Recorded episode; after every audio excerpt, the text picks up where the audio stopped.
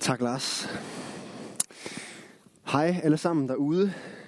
Jeg håber, I øh, har det godt, selvom at coronatiden her trækker ud. Øhm, jeg synes selv, det er vildt det her med, at det er den fjerde søndag i streg, at vi livestreamer her, og at vi i hvert fald kommer til at gøre det en femte søndag også. Øhm, det er Palme Søndag, som Lars han var inde på her, og den stille uge er startet. Påskeugen er startet nu. Og det er jo en særlig uge, og derfor også øh, ærgerligt, at vi ikke kan være sammen og fejre det her. Men det kan vi alligevel, som Lars har sagt her, rundt omkring i vores hjem, og vi kan gøre det på den her måde i dag. Og øh, i den her uge øh, fejrer vi jo, hvad Jesus han gjorde den påske for 2000 år siden. Og i dag, på Palmesøndag, der fejrer vi, hvordan Jesus han frivilligt valgte at ride ind på et æselføl som en tjener, i stedet for en øh, stor og mægtig hersker, der red ind på en stor hest, så valgte han at ride ind ydmygt øh, som en tjener, for at ride sin død i møde.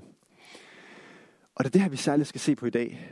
Øh, hvordan Jesus han redde sin død i møde for at dø i stedet for os, men også for at opstå og besejre døden.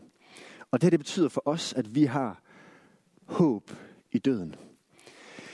Og det er det, jeg har lyst til at øh, prædike om i dag, øh, om håbet i døden, som virkelig betyder meget for os, specielt i den her coronatid.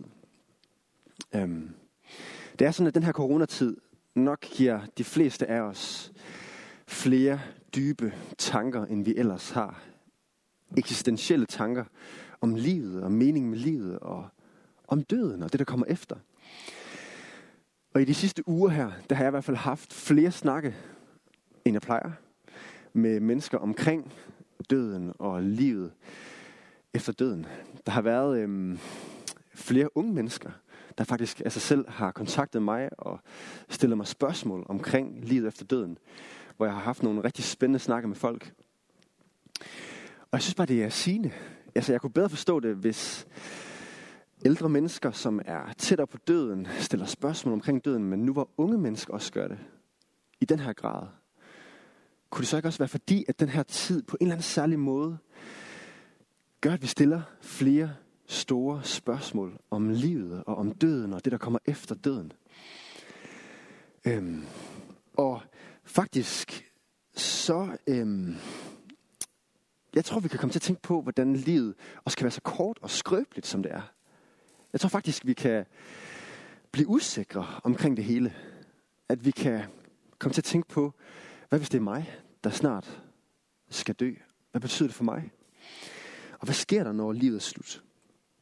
Og hvordan kan vi overhovedet vide noget om, hvad der er på den anden side, når vi dør? Der er jo alle mulige holdninger til det. Både alle mulige forskellige religioner, men også øh, måske inden for kristendommen kan vi høre, at der er mange, der har haft nærdødsoplevelser, og der måske fortæller lidt forskellige ting. Øhm, der er også ateister, dem der ikke tror på Gud, som påstår, at der slet ikke er noget efter døden. Og her kan jeg ikke lade være med at tænke, om ikke det er trist, om ikke det på en eller anden måde ender i det, der hedder nihilisme.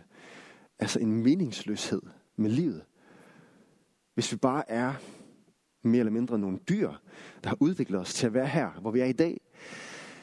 Vi er heldige, at vi er her. Vi har mange privilegier som mennesker, men øh, det har vi kun den korte tid, vi lever, og så dør vi, og så er det slut. Hvis det er tilfældet, så handler det bare om at få det bedste ud af livet. Og så skal vi gøre alt i verden for ikke at blive ramt af coronavirusen. Og for i stedet at få det bedste ud af livet, forlænge livet, nyde livet, så meget som vi overhovedet kan.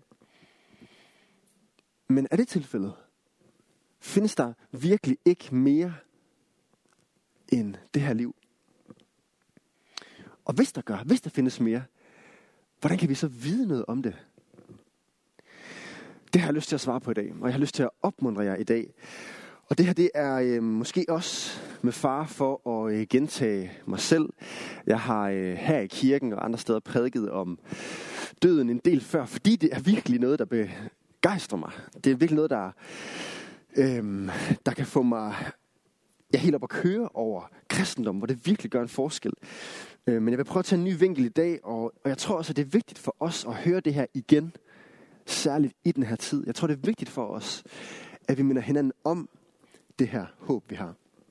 For på det her punkt, så gør det virkelig en forskel at være kristen. På det her punkt, så har vi nemlig ingen grund til at bekymre os, fordi vi er kristne. Og vi har ingen grund til at have dødsangst. Tværtimod kan vi faktisk glæde os til døden. Ja, jeg sagde glæde os til døden, og det lyder jo helt absurd. Men det tror jeg faktisk er bibelsk, og det er det, jeg har lyst til at vise jer i dag. Ikke fordi døden i sig selv er fed eller god. Bibelen beskriver døden som en fjende, som ønsker at ødelægge os. Den er forfærdelig i Bibelen.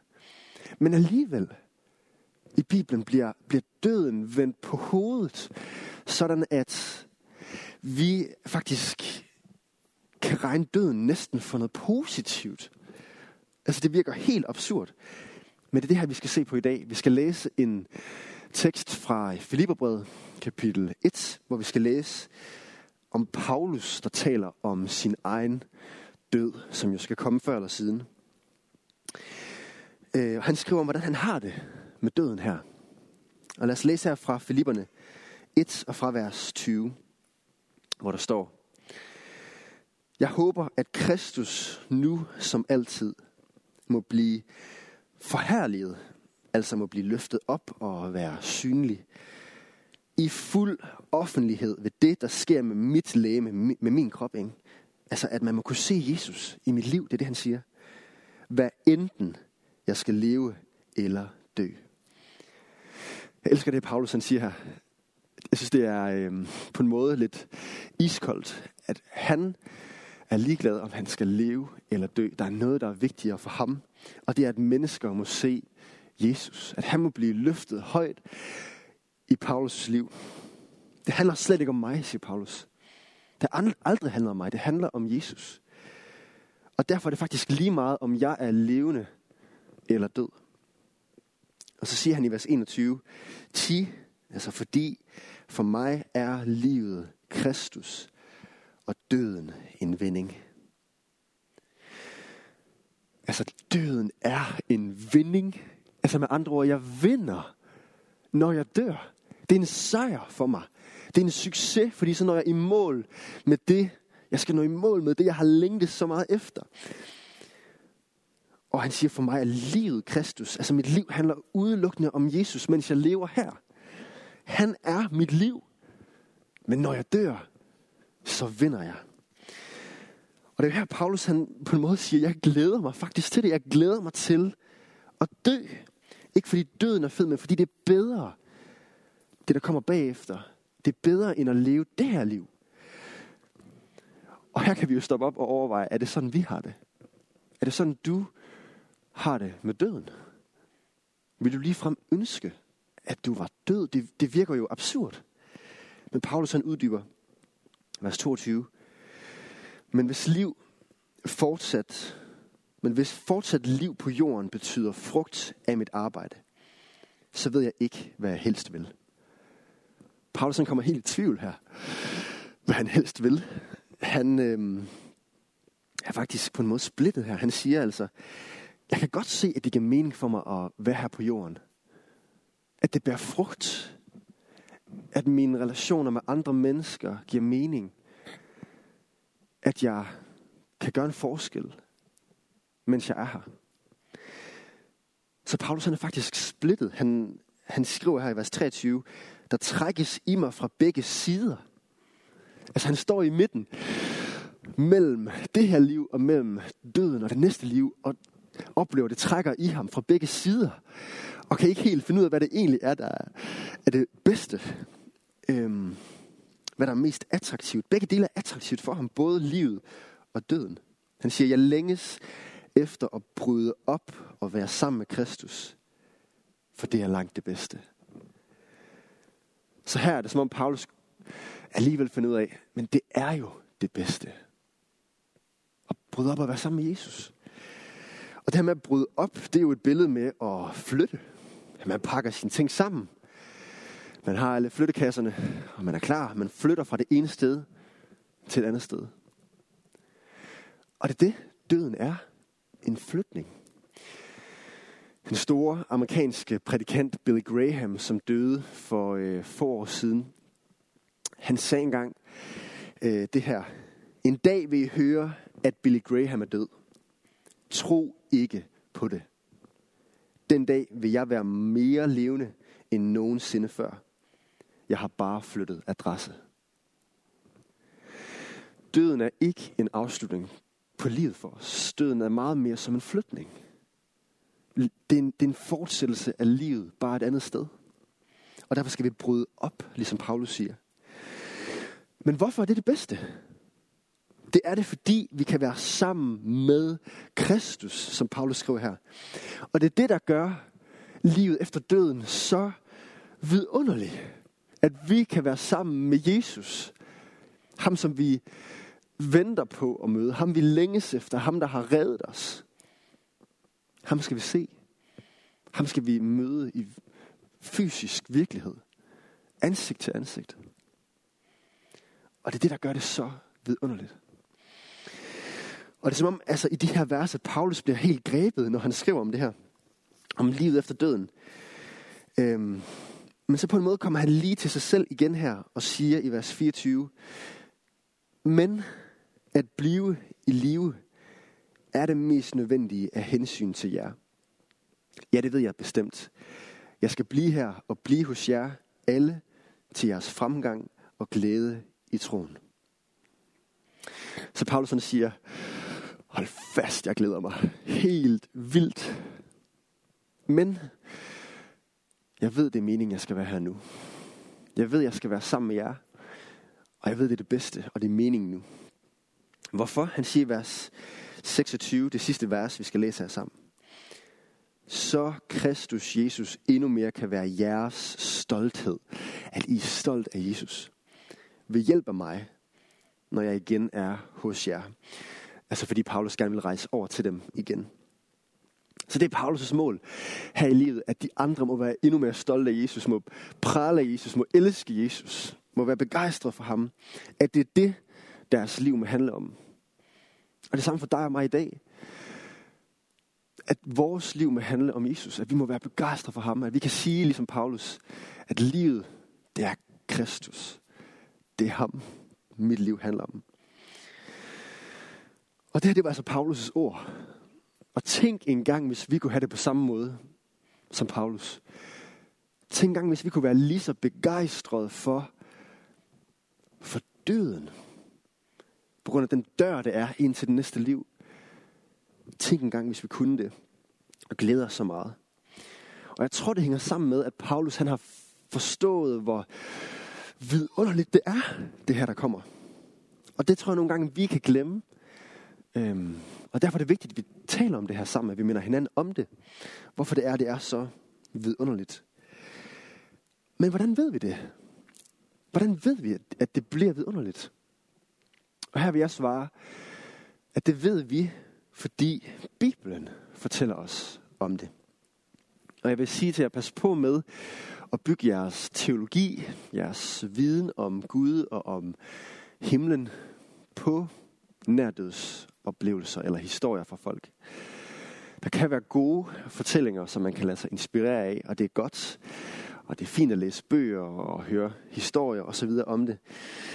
Men det kan også være lidt risky, lidt farligt nogle gange. Sidste år var der en amerikansk bestseller som, omkring et barns nærdødsoplevelse, som blev afsløret som øh, fake. Øhm, og det kan jo ske, at der er nogen, der øh, finder på det. Det kan også være, at nogen bare har nogle psykologiske oplevelser. Øhm, jeg hørte om en, der på et tidspunkt havde en oplevelse, en nærdødsoplevelse, af at det i virkeligheden var Elvis, der regerede over alt i himlen. Og det er jo måske ikke helt rigtigt, vel? Så altså, man skal måske nogle gange tage de her historier med et græns salt, selvom det også kan være Gud, der taler igennem det, bestemt. Men det vi kan være 100% sikre på, og vi kan bygge vores tro på, det er og bliver Bibelen som er Guds åbenbaring til os. Hvad Gud han har fortalt os. Og hvorfor tror vi på Bibelen?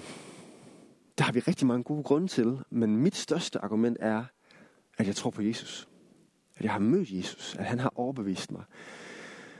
Og han tager Bibelen meget seriøst. Den måde, han bruger Bibelen på, er ja, meget seriøs. Han bruger endda nogle gange enkelte ord i Bibelen, altså fra det gamle testamente, som man havde dengang, for at argumentere. Og derfor har jeg lyst til at tage Bibelen seriøst på samme måde. Men hvorfor tror jeg på Jesus? Jamen det gør jeg af flere grunde. Særligt fordi jeg har mødt ham og oplevet ham. Men også fordi, at jeg synes, der er gode grunde til det. Argumenter for det. Særligt når det kommer til det her spørgsmål, vi taler om nu. Med opstandelse. At Jesus er opstået fra de døde. Det er der faktisk gode argumenter for. Paulus han skriver selv i et andet brev i 1. Korinther 15 om, at der er mange øjenvidner på det, at Jesus han var opstået fra de døde. Han beskriver, at der var over 500, der havde set det. Altså med andre ord kan man også bare gå hen og spørge de her mange mennesker, der har set ham opstået fra de døde på det tidspunkt. Og Paulus skriver, at han selv blev overbevist om det, da han mødte Jesus opstået fra de døde. Han troede ikke på det. Han var en fjende af kirken, men han blev overbevist, da han mødte Jesus. Og han fortæller, at øh, en af Jesus' brødre, Jakob, som heller ikke troede på det, kan man læse om et andet sted, han mødte Jesus opstået fra de døde, og så blev han overbevist. Og det er gode argumenter. De her øjenvidner, som skriver det nye testamente, de fortæller os om det. Øhm, og det, de så fortæller os, og det som Jesus fortæller os om livet efter døden, det er faktisk ret meget. Og nogle gange kan vi i vores kristne kredse fortælle hinanden, at vi kan ikke vide så meget om det, der sker efter døden.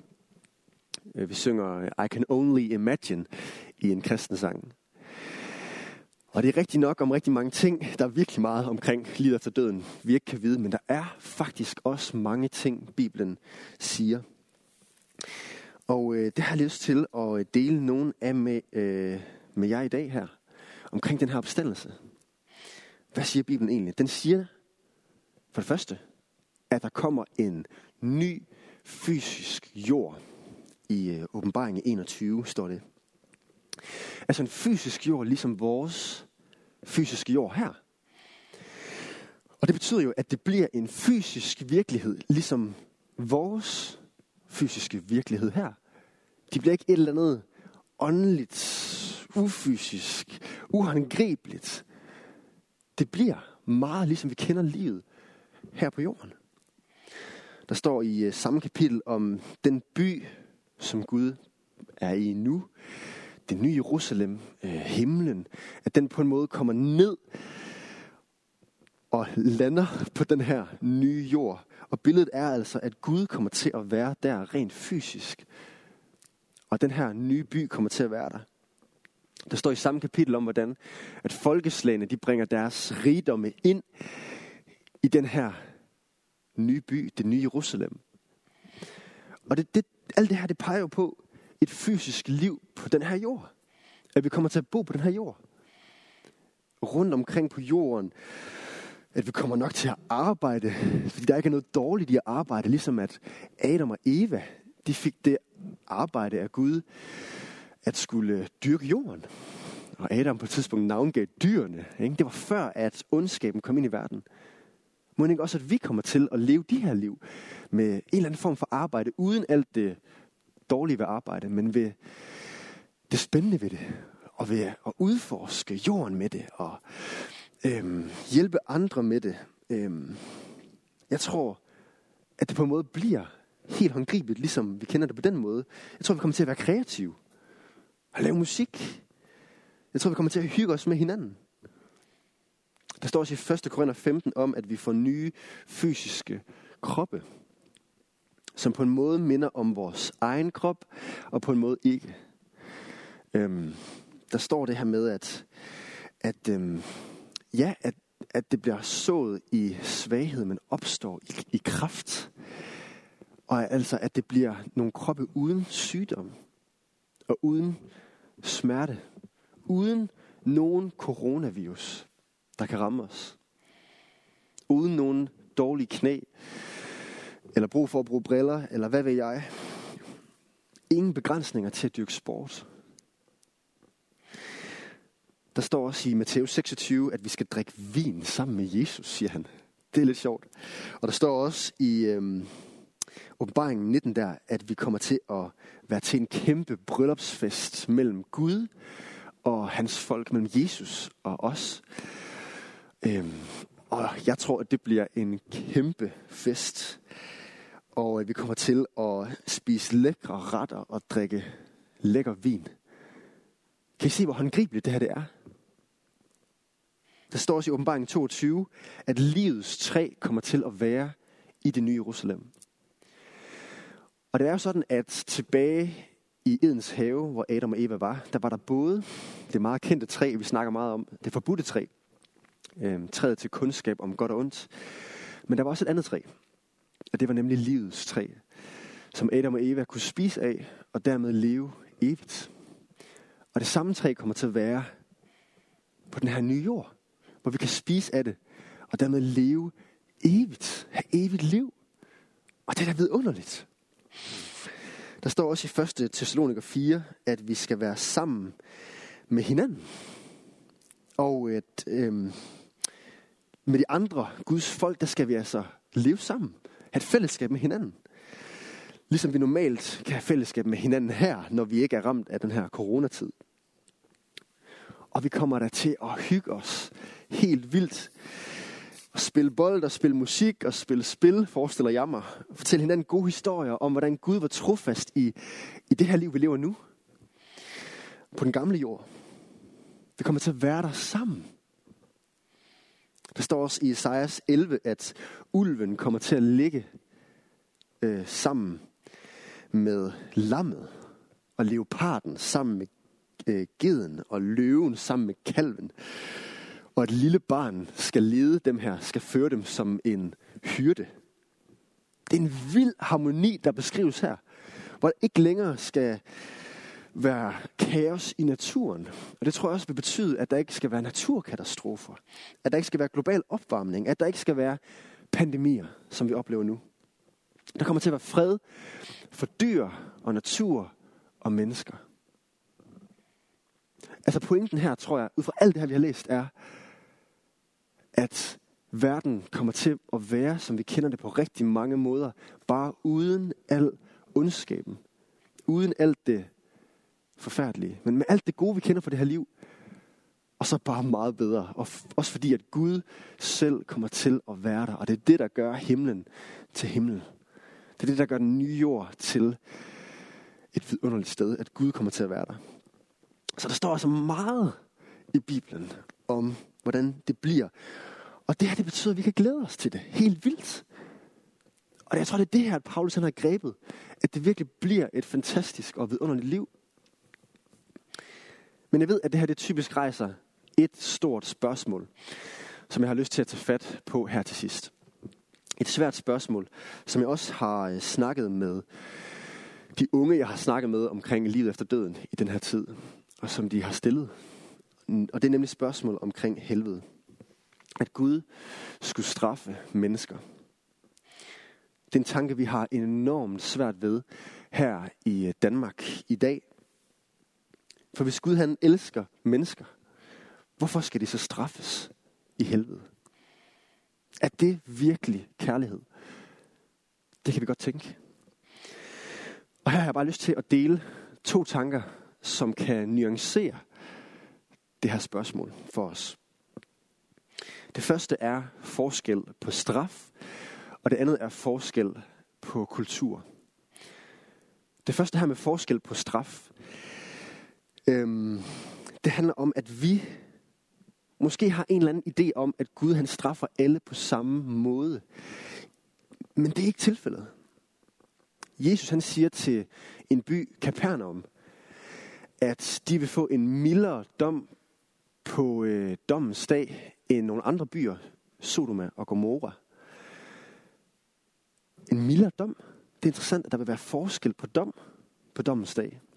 Og han siger også til Pilatus, da han bliver leveret hen til ham, kort før han skal dø på langfredag, at ham, der har overgivet mig til dig, har en større skyld og det er altså Herodes, der har gjort det, at Herodes har en større skyld end Pilatus. Det synes jeg også peger på, at der er en forskel på skyld og dom og synd. Og det her, det peger altså på, at der vil nok være en hårdere dom for nogle end for andre. Og jeg ved ikke med dig, men det her det hjælper i hvert fald mig med at se, at Gud han er retfærdig.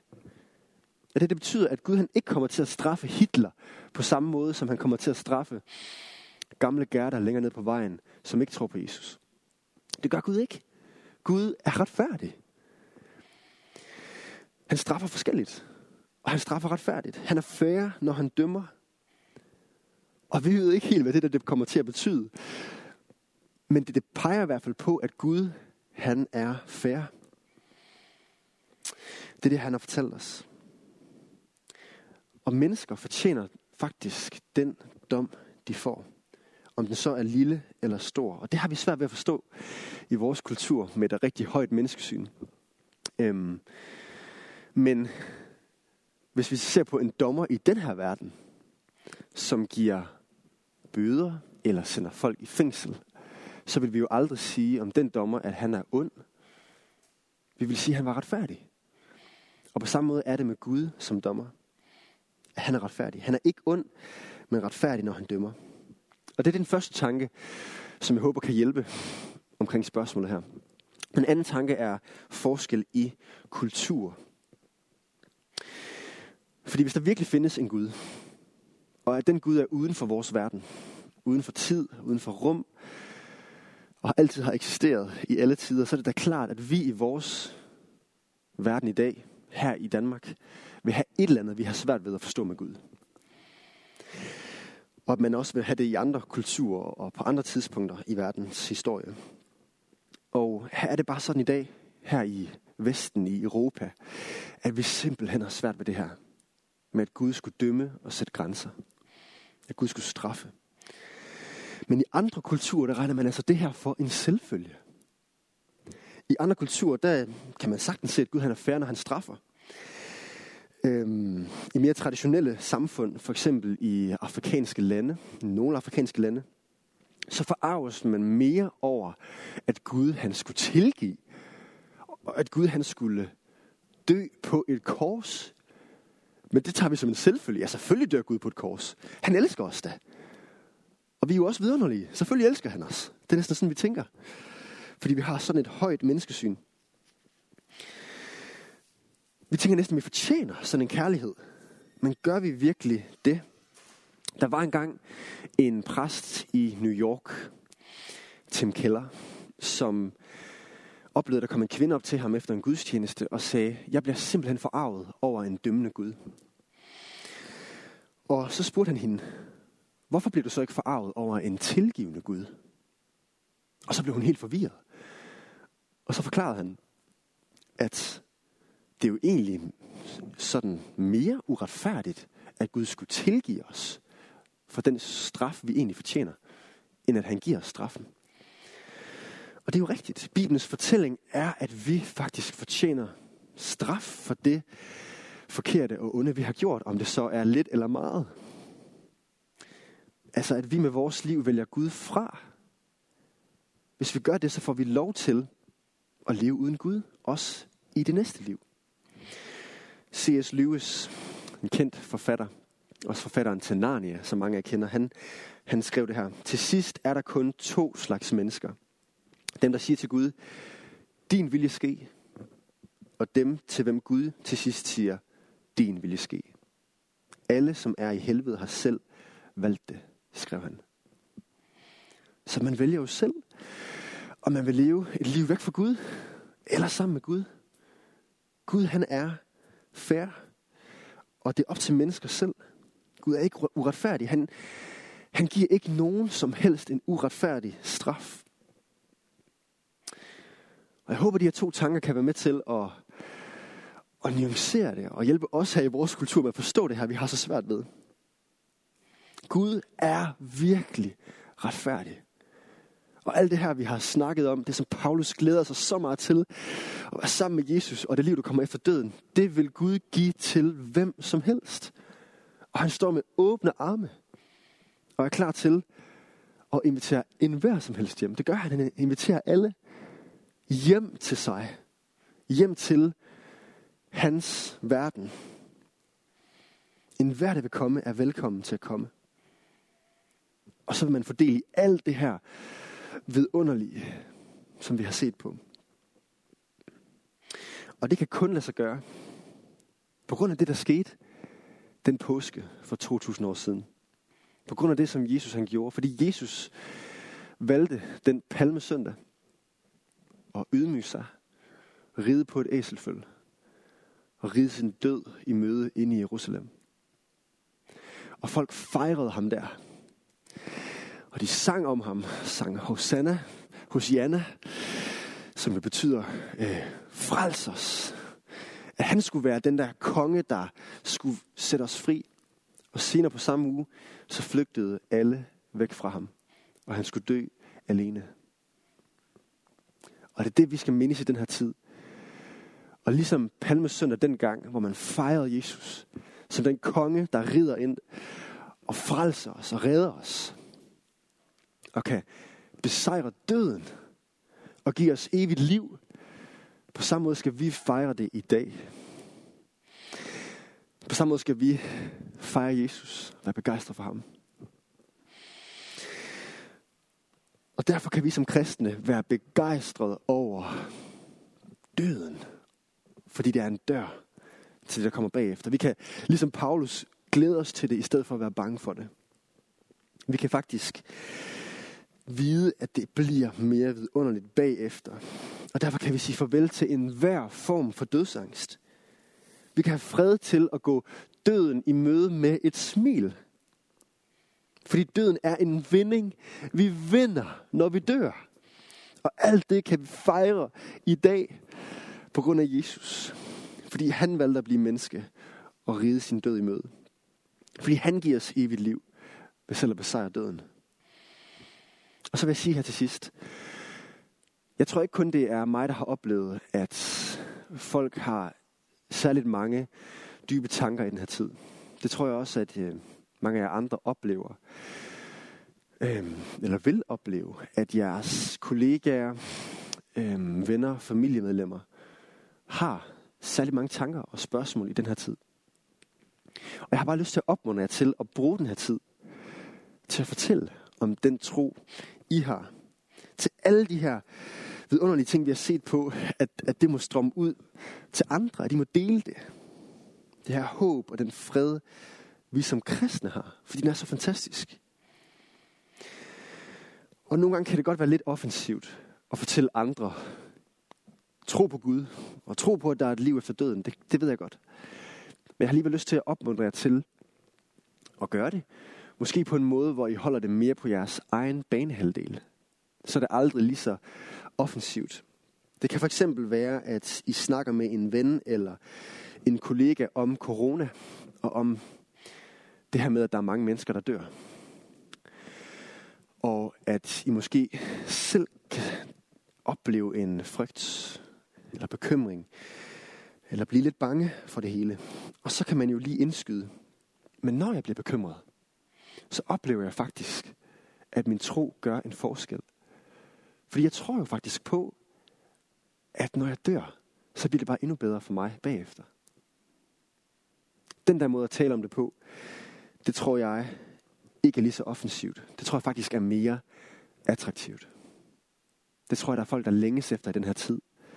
Så det skal vi slet ikke skamme os over, men være begejstret om at dele med andre i den her tid. Så lad os tænke over det, når vi får en mulighed for at fortælle andre om det her vidunderlige håb, vi har. Ja, lad os bede sammen. Jesus, tak for, at du valgte at ydmyge dig og ride på et æselføl, i stedet for at ride ind på et, en sejrig hest. Og Jesus, at du valgte at give slip på livet. At du valgte at give slip på alt, for at give os evigt liv, Jesus. For at vi kan have et håb om at opstå fra de døde, ligesom du opstod fra de døde. Og tak, Jesus, at vi skal leve med dig. Vi skal leve med hinanden som kristne. Vi skal leve på den nye jord. Et vidunderligt liv med alt det, vi har drømt om, Jesus. Tak for det her håb. Tak, at du fylder os med det her. Det beder vi for, at du må gøre. Fyld os med det her håb, Jesus, i den her tid. Lad frygten forsvinde fra alle vores tanker, fra vores hjerte. Og lad os være tryg i dig, Jesus. Lad os være begejstrede, ligesom Paulus. For når vi dør, så vinder vi. Lad det være sådan, vi har det, Jesus. Og vi beder for, at andre må se det på os, at andre må mærke det på os. Giv os også mod til at dele det her med andre, Jesus. Sådan at andre også kan komme til at møde dig og tro på dig, Jesus. Det beder vi om i dit vidunderlige navn, Jesus.